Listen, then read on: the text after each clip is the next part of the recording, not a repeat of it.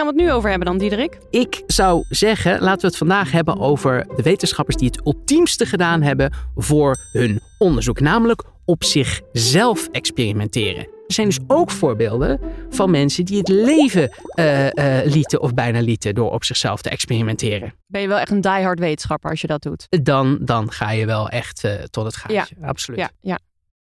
Jonas Salk, ken jij die, Diederik? Zeker, zeker. Het, het, het vaccin. Zeker. is naar hem vernoemd, absoluut. Jonas Salk die is dus bekend van dat Salk-vaccin en dat was dus tegen polio. Ja, daar horen wij nu natuurlijk niet zo heel meer van. Vooral niet in Nederland, maar vroeger was dat nogal uh, een dingetje. Uh, nou goed, hij, hij had een vaccin ontwikkeld en uh, dat moest natuurlijk worden uitgeprobeerd op gezonde vrijwilligers. En toen kwam Jonas Salk met het briljante idee om zijn volledige familie naar voren te schuiven voor de vaccintest. En zichzelf. Nou, uiteindelijk is dat heel erg goed gegaan, want iedereen kreeg antilichamen. Hè, want dat is een beetje de, de basic principle van een vaccin. Maar het werd zo'n groot succes, zou je denken, nou, dan ga je patent op aanvragen, hè, lekker cashen. Maar dat heeft hij nooit gedaan. Want hij vindt gewoon dat een vaccin uh, dat dat toebehoort tot de mensen. Net zoals ja, je kunt ook niet uh, een patent aanvragen op de zon, vond hij. Dus nou, ik weet niet of je meeluistert, Pfizer, maar zo kan het dus ook. Hè? Nadat je 37 miljard in een jaar verdient, hoef je de prijzen niet per se omhoog te gooien blijft een verbazingwekkend dat ze dat, dat, ze dat willen doen. Maar Mhm. je, je kunt met de, hele, de huidige discussies en ruzies over vaccins, zeker op social media, nauwelijks meer voorstellen dat, dat mensen dat op deze manier uh, aanpakten. Gewoon je eigen uh, familie uh, gebruiken of zo. Maar um, zo is het echt gegaan inderdaad met Salk. Maar het is recenter ook wel zo gegaan.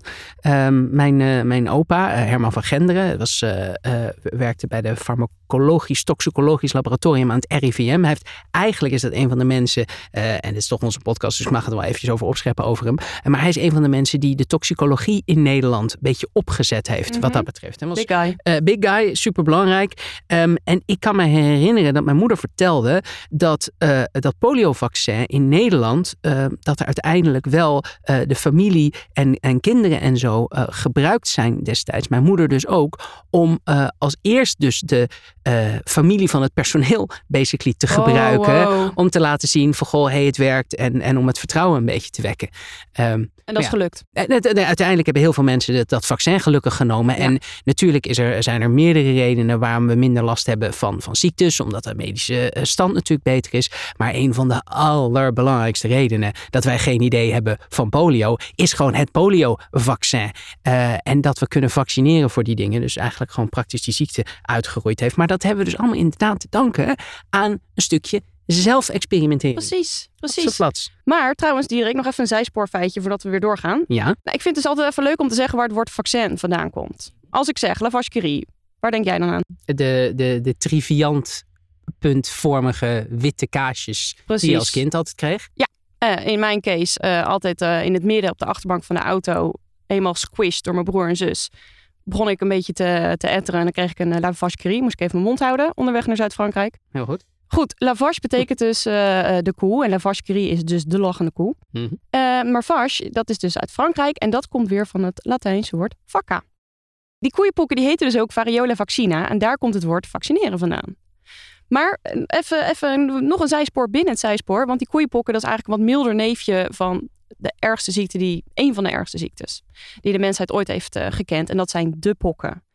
Jaarlijks stierven daar namelijk uh, nou, eind 18e eeuw zo'n 400.000 mensen aan. En dat is echt veel als je bedenkt dat er nog geen miljard mensen toen tijd uh, over de aardbol liepen.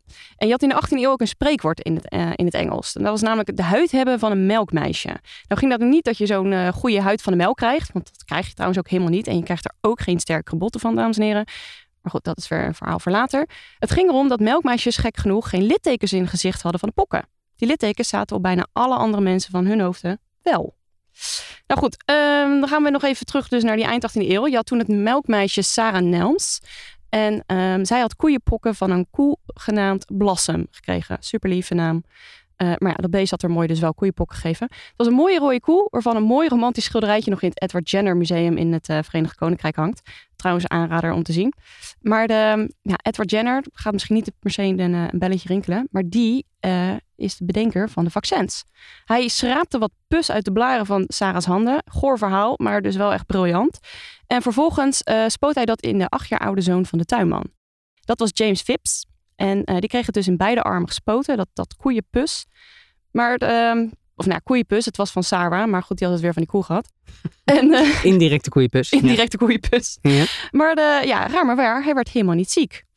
Dus Jenner heeft vervolgens dit jongetje nog een paar keer met pokken in aanraking gebracht. En hij raakte maar niet geïnfecteerd.